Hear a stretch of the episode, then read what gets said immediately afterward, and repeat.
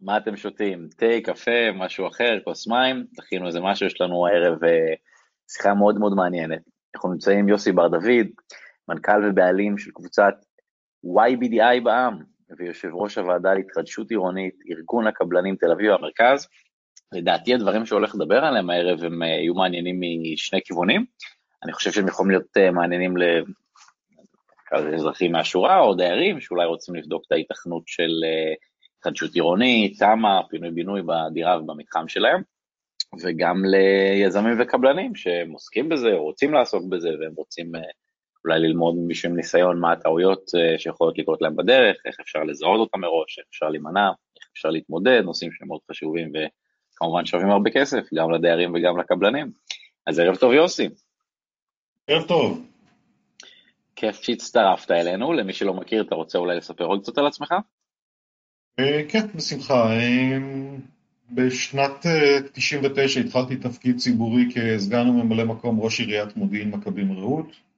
במסגרת התפקיד הזה שארך כעשר שנים שימשתי גם יושב ראש הוועדה לתכנון ובנייה, חצי מהזמן כיושב ראש ועדה בסמכויות מחוזיות. זאת אומרת שתיקון 101 מלפני שנתיים הוא לא דבר חדש, הוא דבר ישן, רק שינו לו את. הפורמט ואת השם, והמשמעות היא שבעיר שיש לה תב"ע מאושרת אפשר לתת סמכויות לוועדה המקומית, לקבל החלטות אה, בטבעות נקודתיות, שזה בעצם אה, אחד המקצרי חסמים היותר משמעותי בתכנון ובנייה.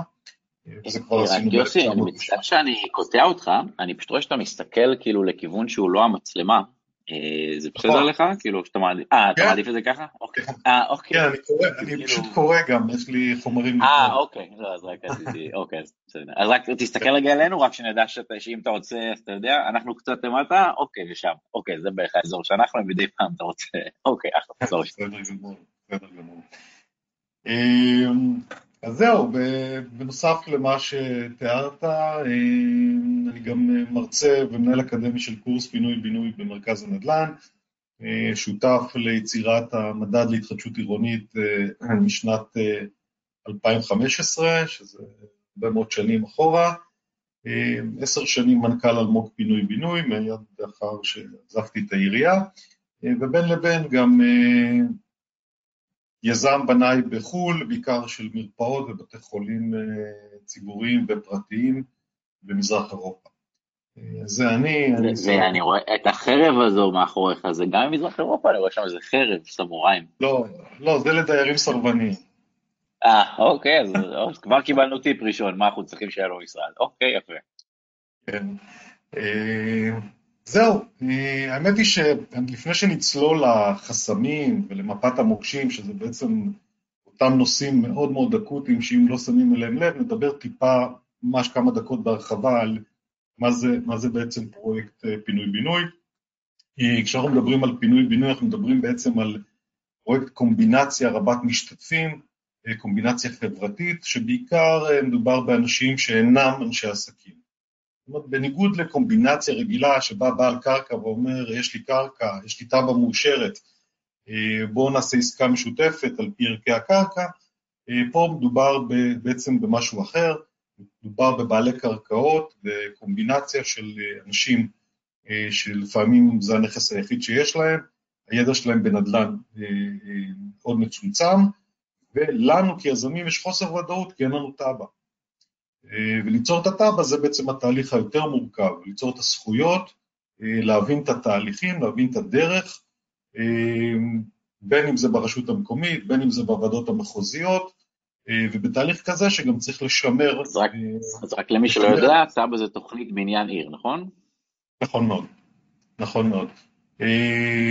ואז בעצם אנחנו מגיעים כאן לאיזשהו שולחן עם ארבע רגליים, רגל אחד זו, זה בעצם בעלי הקרקע, בעלי הזכויות, רגל השני זה אה, הרשות המקומית, הרגל השלישית אה, זו אה, הוועדה המחוזית והרגל הרביעית זו, זה היזם, ועם כל החיבורים האלה ועם ציר זמן שלוקח חמש, שש, שבע שנים, צריך בעצם לשמר את בעלי הקרקע, כל הזמן להיות עם אצבע לדופק דופק הסבלנות שלהם ולראות איך הדברים מתקדמים. בנוסף, יש לנו את הרגולציה, את המדינה, משרד השיכון, כל ההכרזות למיניהם של פרויקט פינוי-בינוי, שזה בעצם, ההכרזה נותנת בעצם את כל אותם זיכויי מס למיניהם, ואת ההכרה בפרויקט כפרויקט התחדשות עירונית סלש פינוי-בינוי, בניגוד לתמ"א דרך אגב, ששם אין הכרזות. אז התהליך הזה בעצם לוקח הרבה מאוד שנים וצריך להבין איך עושים את זה. אתה יכול אולי לתת הערכה כמה שנים בערך, או שזה משתנה? כן, כן, כן, כן, הזמן מתחיל, הזמן מתחיל להתקצר, מכיוון שגם הרשויות המקומיות, האוהדות, כן, לא, לא הסרבניות התחדשות, האוהדות התחדשות מבינות שצריך לזרז את התהליכים האלה, הדיירים הרבה מאוד זמן כבר, כמה שנים, מבינים שהתמורות הולכות להיות קטנות ממה שהם ציפו בעתיד, לכן הם ממהרים לחתום ולסגור את העסקה, ותכף נדבר, נדבר על זה כחסם, לסגור את העסקה מול היזם ולקבוע מראש את התמורות, ולהיכנס לתהליך הזה עם מקסימום תמורות ומקסימום רווח. לכן ההגדרה היא בערך 60 עד 70 חודשים תב"ע, מיום חתימת הרוב המיוחס, שזה היום 67 אחוז, על הסכמים, הסכמים מחייבים. מכיוון שהתב"ע, עלותה, גם הקניינית, גם התכנונית, אם ניקח סתם מספר עגול של 100 פינויים, יכול להגיע בין 4 ל-5 מיליון שקלים, אז יזמים נזהרים להוציא את הכסף הזה לפני שיש להם את הרוב המיוחס, לפני שהם מבינים שהדיירים איתם, ומה שנשאר זה בעצם לטפל אז, במתלבטים. אז אם אנחנו הולכים לכותרת של השיחה, מפת המוקשים, אז זה בעצם המוקש הראשון שאנחנו מגיעים אליו בשיחה? כן, תכף, תכף, כן, תכף תפגוש אותו. אוקיי. Okay. תכף תפגוש אותו. לכן, לכן היום אני מעריך תב"ע כזאת אמורה לקחת בעיר אוהדת, ברשות אוהדת, משהו בסביבות ה-60 עד 70 חודשים, שזה לא הרבה. בניגוד לעבר, שאנשים לא, גם הרשויות לא ידעו איך לאכול את זה, אבל תכף נדבר גם על המוקש המוניציפלי, כי המוקש המוניציפלי הוא בעצם מוקש מקצועי, ונדבר עליו תכף. לאחר מכן אנחנו מדברים על שנתיים היתר בנייה, הכנת גרמושקות, תוכניות מפורטות לביצוע, קבלת היתר בנייה, תשלום האגרות וכמובן הליווי הבנקאי שהוא גם תהליך קנייני מאוד מאוד מורכב ומסובך, יש את ההסכם המשולש בין הדייר לחברה, ל... רציתי, רציתי רק לשאול אם הפרספקטיבה שאתה מציג היא יותר מול היזם והקבלן או יותר מול הדיירים, או מי בעצם כאילו הקהל שמקשיב לתכנים מבחינתך כרגע? לא, אני מדבר כרגע על הדיירים, כי okay. אנחנו, אנחנו יזמים קבלנים יודעים להוציא uh, ליווי בנקאי, אין לנו בעיה, אם אני בא עם קרקע שרכשתי... אתה כרגע מתאר התהליך מנקודת המבט של הדיירים, מה הם צריכים להבין? נכון, נכון, לאסוף שוב את הדיירים, להחתים אותם על ההסכם המשולש מול הבנק, עם כל האישורים הנלווים, ויש המון אישורים שהם צריכים להביא, יתרות משכנתאות, חובות בעירייה, כל, כל אותם uh, מסמכים, זה תהליך מאוד, מאוד מורכב מבחינת הדיירים, ולהזכירכם, ברוב המקרים מדובר בדיירים שהם לא ממש בתהליך ולא ממש יודעים איך לגשת לזה, לכן גם חברות ארגון הדיירים הם אלה שמסייעים להם לעשות את כל הפעולות האלה. אז once יש ליווי בנקאי, יש היתר בנייה, ואז אנחנו נכנסים לפינויים ולביצוע, שוב, תלוי בגודל הפרויקט או במקטע בר הביצוע, כי לא תמיד אנחנו עושים את כל הפרויקט בהינף, לפעמים אנחנו מחלקים אותו לשניים, שלושה מקטעי בר ביצוע, בגלל גודלו והנפח שלו וכולי, וממזערים טיפה את ההוצאות גם בליווי הבנקאי, גם בסחירויות וכולי. לכן אנחנו מדברים על 60 עד 70 חודשים, 24 חודשים להיתר בנייה שבמקביל עושים את כל הנושאים הקנייניים ואת הליווי הבנקאי, ונכנסים לביצוע סביב ה-80-90 חודשים, זה, זה המצב האופטימלי. נכון שיש פרויקטים שלוקחים קצת יותר, יש פרויקטים שלוקחים קצת פחות, אבל מהניסיון שלי, מהטבעות שהעברתי גם ביבנה וגם בחיפה, הטבע לקחה באמת חמש וחצי שנים, היתר שנתיים, והביצוע מתבצע בימים אלה, ביבנה אנחנו כבר באכלוס של מקטע ראשון בר ביצוע של שני בניינים. אתה חושב שהדברים שאתה מדבר עליהם נכונים בכל הארץ, או שבערים מסוימות לא, כן, ובערים לא, מסוימות לא? לא. זה, זה נכון, זה נכון בערים אה, שמעודדות התחדשות עירונית. זה לא נכון בערים שמראש אומרים לך, אדוני, המגורים לא מעניין אותי. יכול לגלות לנו על איזה ערים אתה מדבר? כן, בוא, יש ערים שצועקות, ממש צועקות, ראשי רשויות שצועקים את זה באופן גלוי, כמו ראשון לציון, נס ציונה מדברת על בנייה מרקמית, על תמ"אות, היא לא רוצה פינוי-בינוי, למעט שניים, שלוש שכונות בדופן העיר. יש הרבה מאוד רשויות כאלה שאומרות, לנו מגורים יש מספיק, אנחנו רוצים תעסוקה, אנחנו רוצים מסחר, אנחנו רוצים עירוב שימושים, שבעיקר זה, בעיקר זה התעסוקה והמסחר ופחות המגורים, והחלוקה לא תמיד מסתדרת, כמו בחולון למשל. חולון היום צועקת, ואנחנו רוצים לאזן את תקציב העירייה בין המגורים שאנחנו מאשרים בתב"ע לבין המסחר והתעסוקה, שזה בעצם הגורם המאזן של תקציב רשות מקומית, וזה אני אומר לכם כאחד שעשה כמה תקציבים כאלה בעיריות, בעירייה ששימשתי ממלא מקום ראש עיר. אני יכול להבין אותם, כן? אני לא, אני לא, אני יכול להבין את ראשי הרשויות, לכן למדינה יש פה תפקיד מכריע, ולשמחתי המדינה כבר מתחילה להבין את זה, והיא, והיא היום מקדמת את, אותה, את אותו תיקון לקרקע משלימה, היא מנטרלת את נושא קרקע משלימה, ואומרת אנחנו כדי לעודד התחדשות עירונית, ניתן לרשויות 30 אלף שקל בהסכם גג אה, להתחדשות עירונית על כל יחידת דיור שהם ייצרו בעיר שלהם.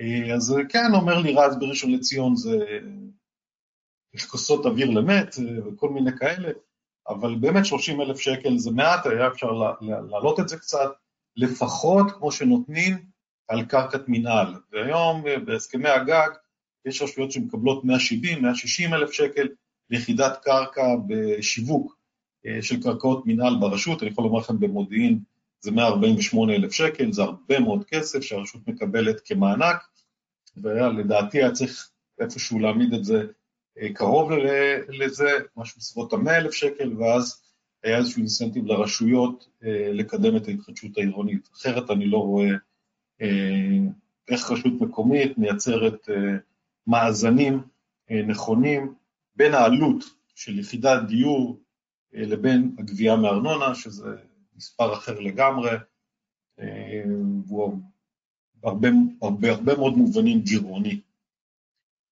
אז זה... אולי ככה רק שכאילו נבין את הטיימליין של השיחה, אז הכותרת שלנו זה מפת המוקשים בתהליכי התחדשות עירונית, אז על כמה מוקשים עברנו, אולי רק ניתן להם כותרות כדי שיהיה לנו בראש איזה מין סדר. אז לא, אז אני, אני ברשותכם אכנס למוקשים, ועל מה שדיברנו כבר אה, ממש נעשה את זה בכמה שניות, ומה שלא נמשיך. אז קודם כל המוקש הקנייני. המוקש הקנייני הוא בעצם אה, מוקש שאפשר לנטרל אותו, הוא מוקש אומנם בעייתי, אבל אה, ניתן לנטרול בזמן, בזמן סביר. למרות שנסח הטאבו נקי יחסית בתחילת דרכו של הפרויקט, אה, לצערי לאורך השנים נפרדים מעולמנו דיירים ותיקים, ולנעליהם נכנסים יורשים רבים שחלקם אינם זמינים, במרכאות או בלי מרכאות, חלקם אינם משתפים פעולה עם מקדמי הפרויקט, וחלקם מתנגדים לפרויקט ללא סיבה ראויה. זה מוקש שאפשר לנטרל אותו, כל עוד הקבוצה הזאת נמצאת ב-30 אחוז אה, שלא חתמו. אם היא נמצאת מעל ה-30% שלא חתמו, ב-40 או ב-50, אז אנחנו בבעיה, כי אז אנחנו לא יכולים להגיע לרוב המיוחס אה, כדי ליצור איזשהו, אה, איזשהו מנגנון נגד אותם סרבנים. אז, אז כמו שאמרתי, זה מוקש שאפשר לנטרל אותו עם הסברה נכונה, עם ליווי נכון, גם של היורשים אה, בתהליך. בנוסף, יש הרבה מאוד דיירים שרכשו את דירתם בשנות ה-90 בחברות הדיור הציבורי. אותם דיירים לא העבירו את הנכס על שמם, מכל מיני סיבות.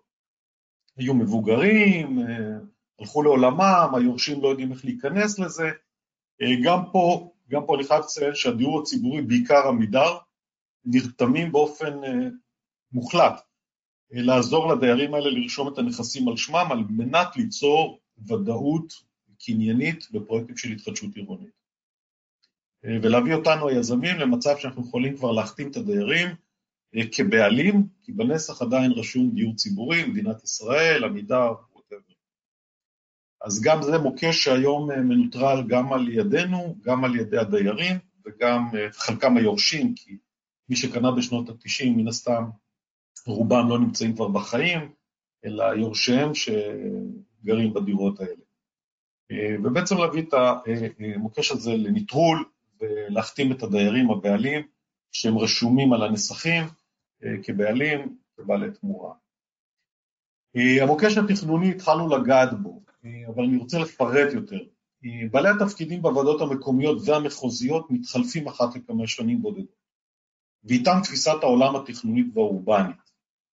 לא פעם תוכניות נדחות בשל שינוי תפיסת עולמם התכנונית של נושאי המשרות. אני מדבר באמת, אני מדבר מתפקיד של בודק תוכניות, שהמשכורת שלו 6,000 שקל, עד למהנדסי ערים. וכשמהנדס ערים מתחלף, אני יכול לתת לכם דוגמאות נהדרות, כמו למשל בנתניה, היה מהנדס עיר אבנר, התחלף למהנדס עיר אחר, התחלפה מדיניות, ועכשיו רק מנסים איכשהו לאסוף את השברים מהרצפה ולחבר את הפאזל הזה, אבל זו דוגמה מאוד מאוד קיצונית.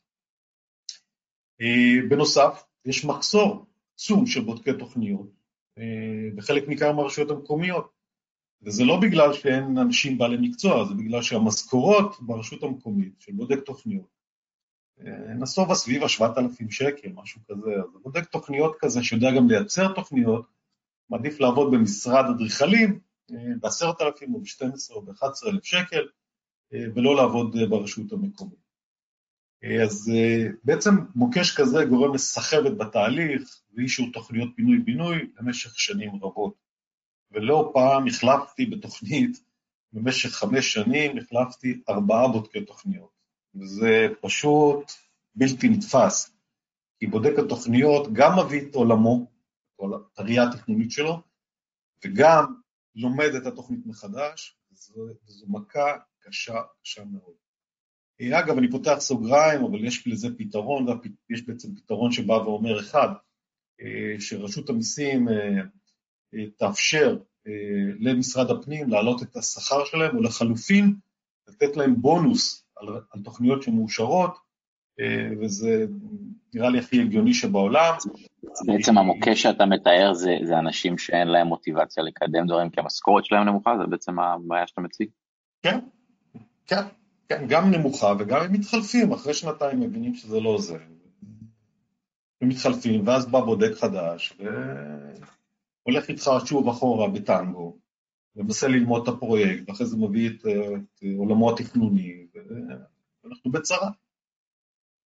וזה בעצם בעיה שמקשה גם על הקבלנים וגם על הדיירים שרוצים להתקדם?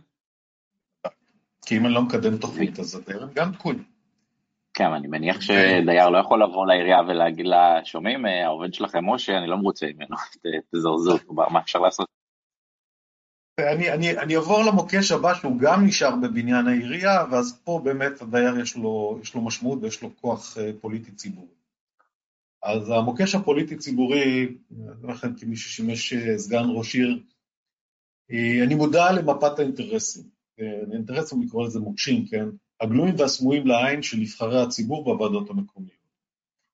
שינוי מדיניות אחת לכמה שנים על בסיס הסכמים קואליציוניים מקומיים, הינו המוקש הקטלני ביותר לפרויקטי פינוי-בינוי. היעדר רצף שלטוני להבנות, ההחלטות וההסכמות שהתקבלו עם הוועדה המקומית היוצאת, משנה את כללי המשחק עד כדי הקפאת הפרויקט ולעיתים הפסקת קידומו. זאת אומרת, זה מוקש, ואני אתן לכם דוגמאות למכביר, התחלתי עם אוחיון לפני 12 שנה, פרויקט בפתח תקווה, ברוורמן לא קידם אותו חמש שנים, ועכשיו הגיע ראש עיר נהדר שמקדם את התוכנית. אבל שימו לב, 12 שנה אני מטייל בפתח תקווה. זה משהו לא הגיוני, ואם בתוכנית הזאת לא תאושר עד בעוד שנה וחצי, וחלילה ראש העיר שוב יתחלף וראש העיר הנוכחי לא ייבחר, אני צפוי לטיעון נוסף של חמש שנים. זה דבר שהוא לא הגיוני. זה רק בגלל שאין רצף שלטוני על החלטות. ויש דוגמאות נוספות הפוכות. גם בת ים, בת ים קידמה פרויקטי פינוי-בינוי על ידי יוסי, יוסי אדר, לא זוכר את השם שלו בדיוק, יוסי, והיום הגיע ראש עיר שמצודד דווקא בתמ"אות, אומר פינוי בינוי זה עומסים, העיר לא יכולה לספוג את כל זה, אם אני לא טועה, התמ"אות הן לקראת הסוף, או שנשאר להם עוד שנה, או משהו כזה, יכול להיות? כן, אבל עכשיו קיבלנו הודעה לתחייה לעוד שנה, אז כנראה שזה... כן, אבל אחרי העוד שנה הזו זה משהו שאמור להיגמר, לא? אבל לעובדה כבר שנתיים מאריכים. זה גם, זה גם מגוחך, כי אתה יודע, מקבלים החלטה לחלופה, ובסוף ההחלטה לא עוברת, ודוחים עוד שנה ועוד שנה, ואני לא יודע מתי זה ייגמר. אבל כל עוד התמ"א מרחפת, היא חיה, נושמת ובועטת, ובמקומות שערכי הקרקע גבוהים, התמ"א היא אלטרנטיבה. אני לא אוהב אותה באופן אישי, כי אני יודע שהיא בעייתית לרשויות המקומיות, היא מעמיסה על תשתיות קיימות הרבה מאוד יחידות דיור, על אותה מדרכה, על אותו קו ביוב, על אותו גן ילדים, וזה יוצר בלאגן שלם. יש ערים שאין אפילו מדרכות, שהעץ באמצע המדרכה לא מאפשר להעביר עגלה, עגלת תאומים. ותחשבו על זה שפתאום לרחוב הזה, שהוא 100 מטר או 200 מטר, מעמיסים עוד 150 יחידות דיור בתמ"א, על אותו קו מגרש, ושומו שמיים. אין איכות חיים בעייתית מאוד, בעיניי לפחות. לכן אני חושב שפינוי-בינוי הוא הפתרון האידיאלי, ואותו צריך לעודד, ואותו צריך לקדם, בצורה הכי מהירה שאפשר, ולתת גם לרשות את, אותה, את אותו שטח שהיא כל כך זקוקה לו, בהרחבת הכבישים, בהרחבת המדרכות, בגני ילדים, מעונות יום, וכיוצא בזה, שצ"פים וכולי. לכן התמ"א לא מאפשרת את כל זה, והיא חלופה גרועה. אבל מה שכן, אני חושב על התמ"א, שכל הבניינים הכלואים בין תמ"אות חייבות לעבור למסלול ירוק של תמ"א. אי אפשר לעשות להם פינוי-בינוי. דמיינו לכם רחוב של שלוש-ארבע תמ"אות, ובאמצע איזה בניין שלא יתקדם לשום מקום, פינוי-בינוי אי אפשר לעשות שם, כי יש פחות מ-24 דיירים, והמגרש יחסית קטן, שם צריך לעשות את התמ"א במסלול ירוק. אני קורא לו מגרש כלוא בתמ"א 38, ואנחנו עכשיו בשיג ושיח עם עיריית חולון, להריץ את התמ"אות האלה במגרשים, במגרשים הכלואים לתמ"א. נכון, במקומות שיש שלושה או ארבעה בניינים שלא נעשה שם תמ"א, במקבץ אחד, דווקא להפוך אותו לפרויקט פינוי-בינוי, חטיבת קרקע אחת, לעירוב שימושים, להפרשות לצורכי ציבור וכו'. אז דווקא פה אני חושב שהפן הציבורי והלחץ הציבורי המקומי של הוועדים המקומיים של השכונות, שאפילו ועדי הבניין, על הרשות המקומית ועל מקבלי ההחלטות ועל בודקי התוכניות ועל מהנדסי הערים, זה המקום, במוקש הפוליטי-ציבורי, כי במקצועי אני לא רואה איך, איך מהנדס עיר מתייחס לדייר שמגיע ולוחץ, אבל אני בהחלט רואה גם את הקואליציה ברשות המקומית וגם את האופוזיציה ברשות המקומית כן מתייחסת לדייר, או לקבוצת הדיירים, כי זה לחץ פוליטי ציבורי מאוד מאוד רחב.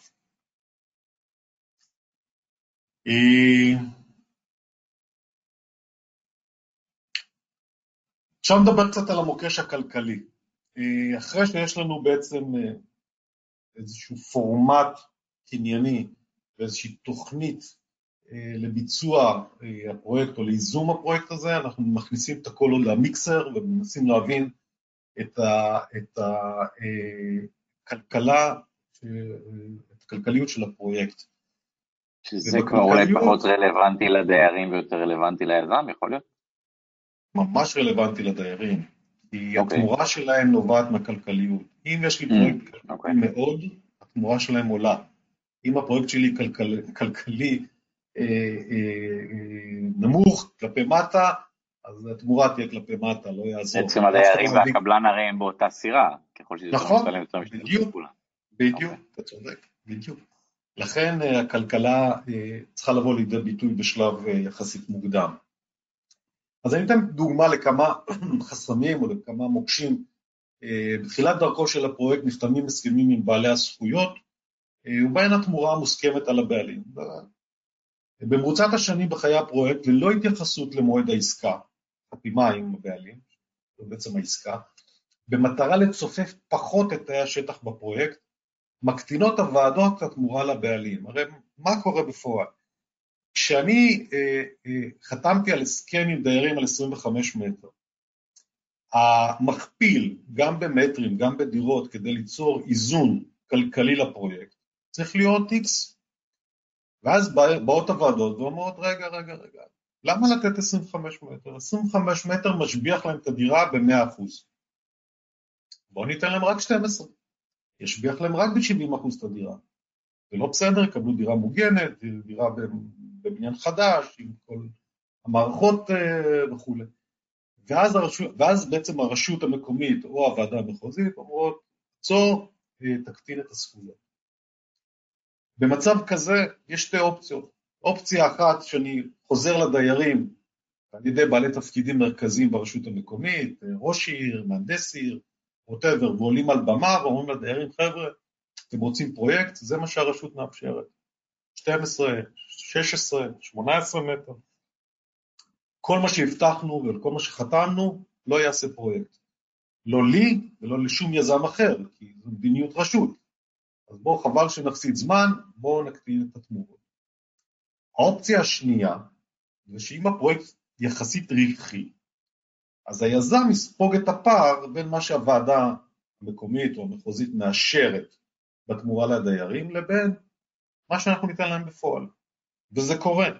זה קורה בפרויקטים שהם פרויקטים רווחיים, אה, אפשר לספוג אה, את המטרים האלה. אני אתן דוגמה ממש באחת הערים אה, בצפון הקרוב, הבטיחו לדיירים 25 מטר, הוועדה, סליחה, הבטיחו לדיירים 20 מטר, הוועדה המקומית אישרה 12 מטר, ואז נוצר מצב של פער של 8 מטר, 24 דיירים, 8 מטר זה באמת בדיחה, מדובר ב-120-130 מטר, על עשרת אלפים שקל זה מיליון 200 על פרויקט של כמעט 250 מיליון שקל.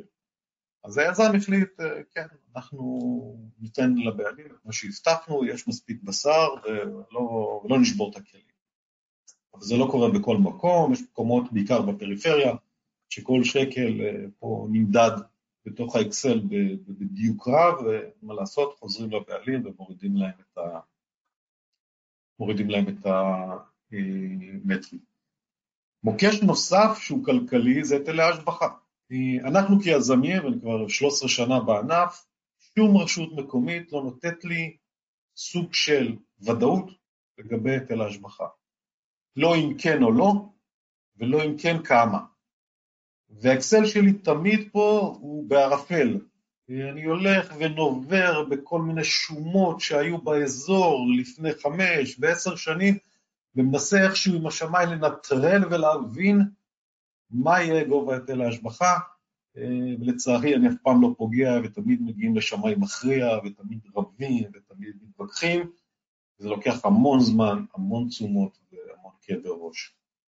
אז היעדר האינפורמציה המדויקת הזאת לעניין גובה היטל ההשבחה בשלב מוקדם של קידום התב"ע מעמיד את היזמים בסוף התהליך מול שוקת שבורה, עם פרויקט לא כלכלי ושל מרכיב חישוב היטל ההשבחה הנעלם לאורך תקופת התהליך.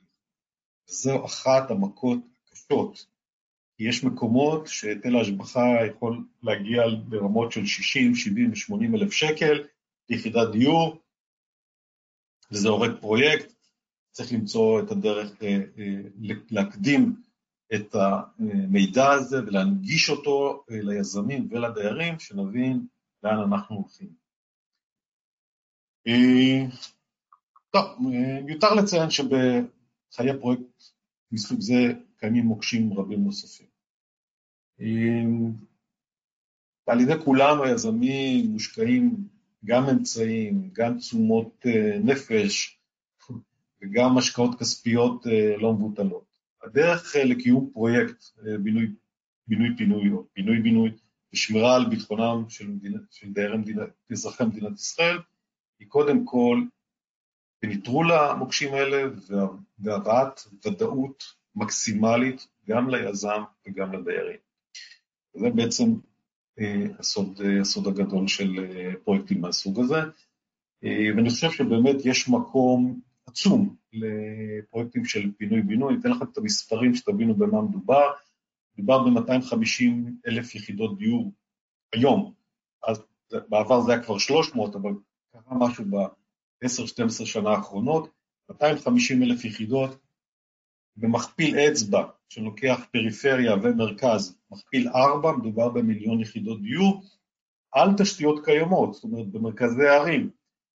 אה, ואני אומר לכם כאחד שישב בשנים הראשונות של העיר מודיעין, וראה איך המיליארדים נזרמים, ואני אומר שבצדק, כן, באותה עת היה בצדק להשקיע בעיר, אה, בעיר חדשה, גם בגלל קליטת העלייה אה, מחבר העמים, גם משיקולים ביטחוניים, לשמור על גב הר ירושלים, המון סיבות טובות, אבל בסוף היום אני חושב שאם מסתכלים עכשיו בפרספקטיבה של 20 השנה הקרובות, יש להשקיע במרכזי הערים ובתיקון החברתי-כלכלי היחיד שיש לאותם אזרחים במרכזי הערים הוותיקות, ואני לא מדבר רק על צפון תל אביב, על גבעתיים, אני מדבר גם בפריפריה, ולהביא אותם בעצם לגור במגורים ראויים, נוחים, וחשוב מאוד גם האינטגרציה בין דיירים חדשים במעמד סוציו-אקונומי בינוני וגבוה לבין דיירים קיימים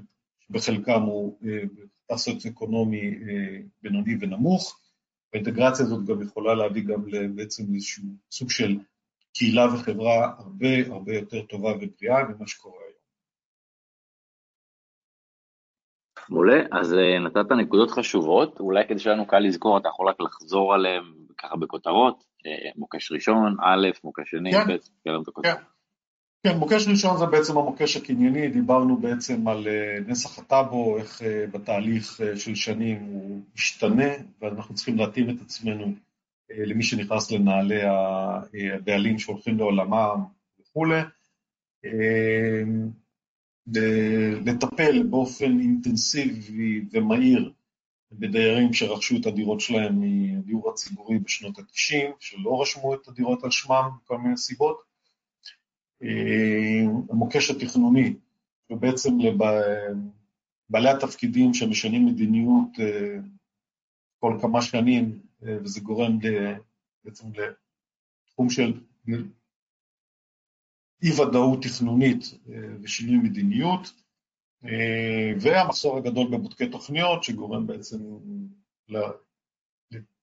לעכב את התהליך באופן סיסטמטי בתוך הרשויות המקומיות. המוקש הפוליטי הציבורי, דיברנו על זה, אינטרסים משתנים של ראשי הרשויות, משנים מדיניות, ופה צריך מאוד מאוד מאוד להיזהר, ולהפעיל גם את הדיירים, בעלי כוח אלקטורלי, פוליטי, מול מקבלי ההחלטות ברשות המקומית. מוקש כלכלי, דיברנו על אותם נושאים מאוד אקוטיים, הקטנת, הקטנת התמורות לבעלים בעקבות החלטות הוועדות,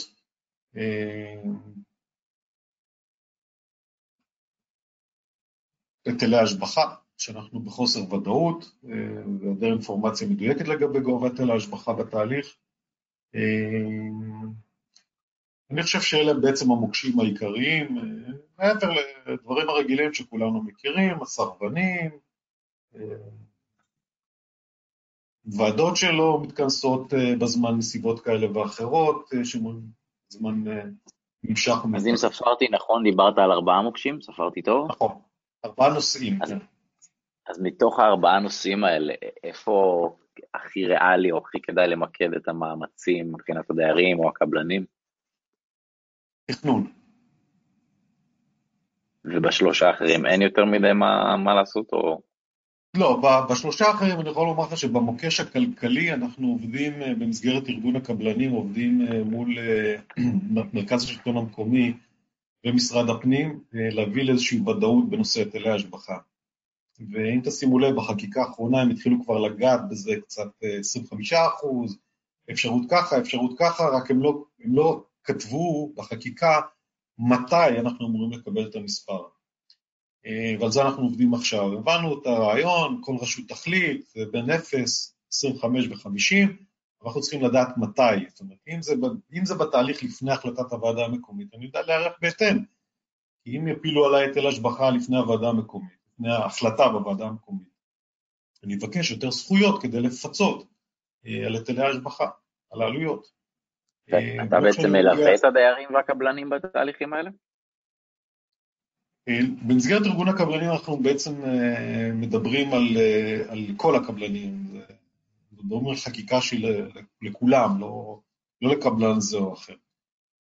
אנחנו מדברים על טיפול ברגולציה, שזה אוקיי, אז אתה יכול לתת מקרה שאיך דיירים או קבלנים נתקלו בבעיה ומה הם עשו כדי לפתור אותה? בוודאי, אני אתן לך דוגמה מצוינת. בעיר חיפה, אה, אני קיבלתי פטור מהיטל השבחה אה, בתוכנית. אה, התחלף ראש עיר, הלך יונה, הגיעה ראשת עיר, והחליטה שלא, היא לא פותרת. ודוח האפס קיבל מכה קשה מאוד בכנף. ואתה יודע, עושה שומות, ואתה הולך לבוררויות וכולי וכולי. בסוף אה, התפשרנו שם על אה, חצי, רבע היטל השבחה. אבל אה, אתן לך דוגמה אחרת, לידינו, אזורים העבירה תב"ע עם פטור מהיטל השבחה, קיבלה תוקף לתב"ע, והיום מדברים איתם על היטל השבחה, משהו הזוי.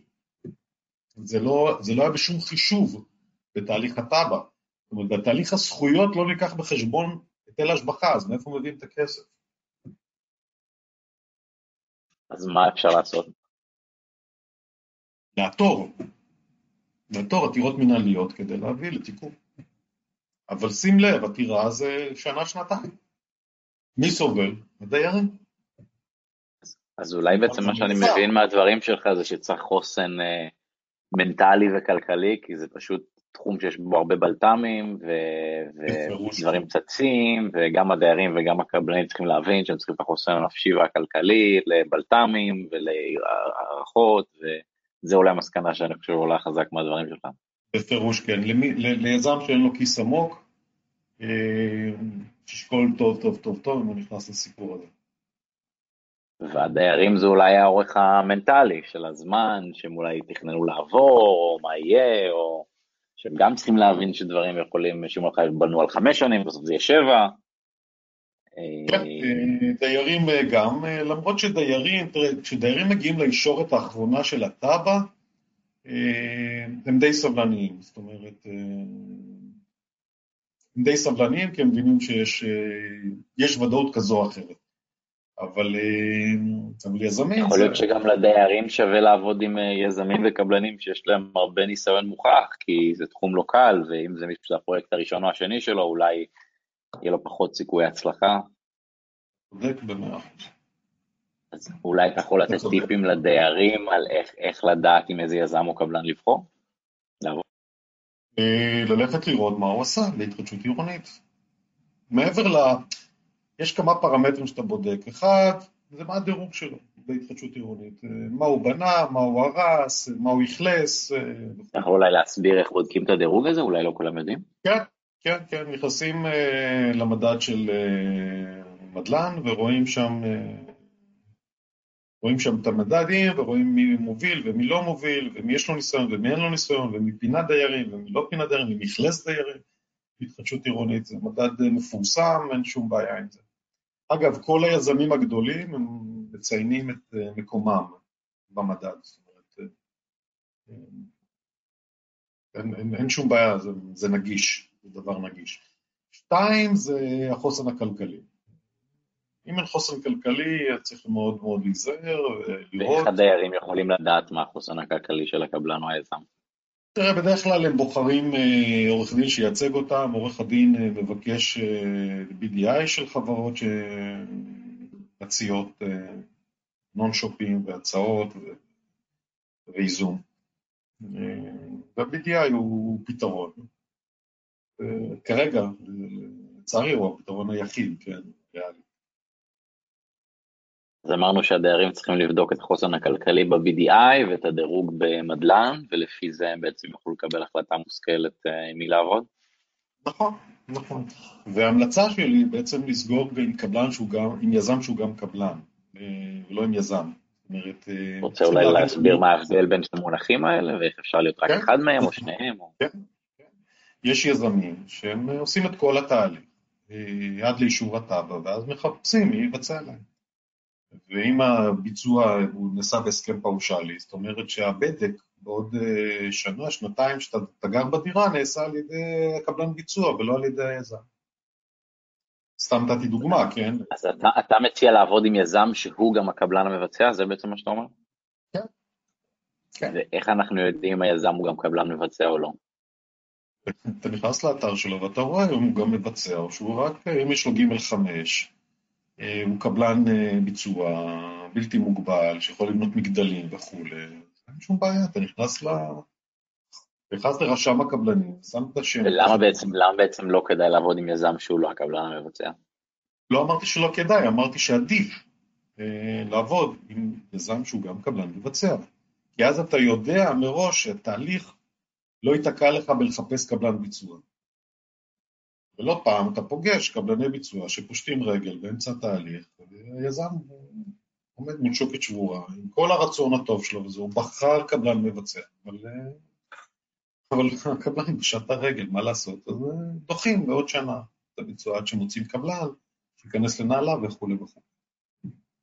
אוקיי, okay, אז עכשיו נתנו כמה טיפים לדיירים, אתה רוצה אולי לתת כמה טיפים ליזמים והקבלנים? אה, לקבלנים אני לא אתן טיפים, אני בטוח שהם אה, יודעים אה, לא פחות טוב ממני מהם התהליכים. לגבי היזמים, שוב, אורך רוח, כיס עמוק ולהתמקצע. כי אם אתם לא מתמקצעים, מפת המוקשים הזאת קטנה מאוד, יש מפת מוקשים, אני קורא, מפת מוקשים וירטואלית, שאתה בתהליך אתה פוגש אותם ככה במקרה ומנטרל אותם. אה, ויש הרבה כאלה שלא ציינתי אותם, באופן, אה, כמעט כל פרויקט אתה פוגש אה, מוקשים כאלה קטנים. אז באמת להתמקצע, כי בלי זה חבל לכולם על הזמן. כשאתה אומר להתמקצע, מה לדעתך הנושא הכי קריטי שכדאי להם להתמקצע בו? כל. מבדיקת הפרויקט, איך בודקים אותו, איך מייצרים ודאות איתו, מה השווים שלו, זה בבדיקה, דרך התהליכים שהם תהליכים ארוכים סיזיפיים, והם חייבים להיות תהליכים מקבילים בין הקניין לתכנון, כדי שאחד לא יברח מהשני, הקווים חייבים להיות מקבילים. התקדמת בקניין, אתה חייב להתקדם בתכנון. נתקעת בקניין, תעצור את התכנון, כי אתה תוציא המון כסף, תגיע להשקעות עצומות בתכנון, ובסוף הדיירים אה, תקועים ב-40% ואין פרויקט. וההפך, אה, אם אתה נתקע בתכנון, תהיה מספיק הגון מול הדיירים, לעצור את החתימות, כדי שלא להביא אותם למצב של אה, בני ערובה של פרויקט שהוא לא בר ביצוע בגלל תכנון. זה דבר אחד, והקו השלישי, שבעיניי הוא לא פחות חשוב, זה קו משרד השיכון, ההכרזה המקדמית של הפרויקט וההכרזה הסופית של הפרויקט, כדי ליצור את הוודאות לפרויקט פינוי-בינוי. אוקיי, okay, אז דיברנו על אה, המון דברים אה, חשובים הערב, אתה רוצה אולי ככה לתת איזשהו סיכום של כמה נקודות, או איזה משהו קריטי שכדאי לזכור? לזכור שמדובר באנשים, ואנשים טובים אה, שמחכים לדירות שלהם, ואם לא יודעים לעשות את זה, אז אה, אנא מכם, אל תחתימו אותם ואל תגרמו להם עוול, כי זה באמת הנכס היחיד שיש להם. יפה, אה, מילות סיכום חשובות. אז אה, תודה רבה לך על הזמן ש... שהקדשת לנו, תודה רבה על הטיפים, היה מעניין ומעשיר. מי שלא הספיק להגיע יוכל לראות את ההקלטה ביוטיוב ובספוטיפיי. אז יוסי, תודה על הזמן, תודה על הטיפים. תודה, תודה על ההזדמנות. תודה רבה. בכיף. ולמי ששומע אותנו, אני מקווה שלמדתם, קיבלתם ערך, שיהיה לכם הצלחה, ונתראה בפרק הבא. ביי בינתיים.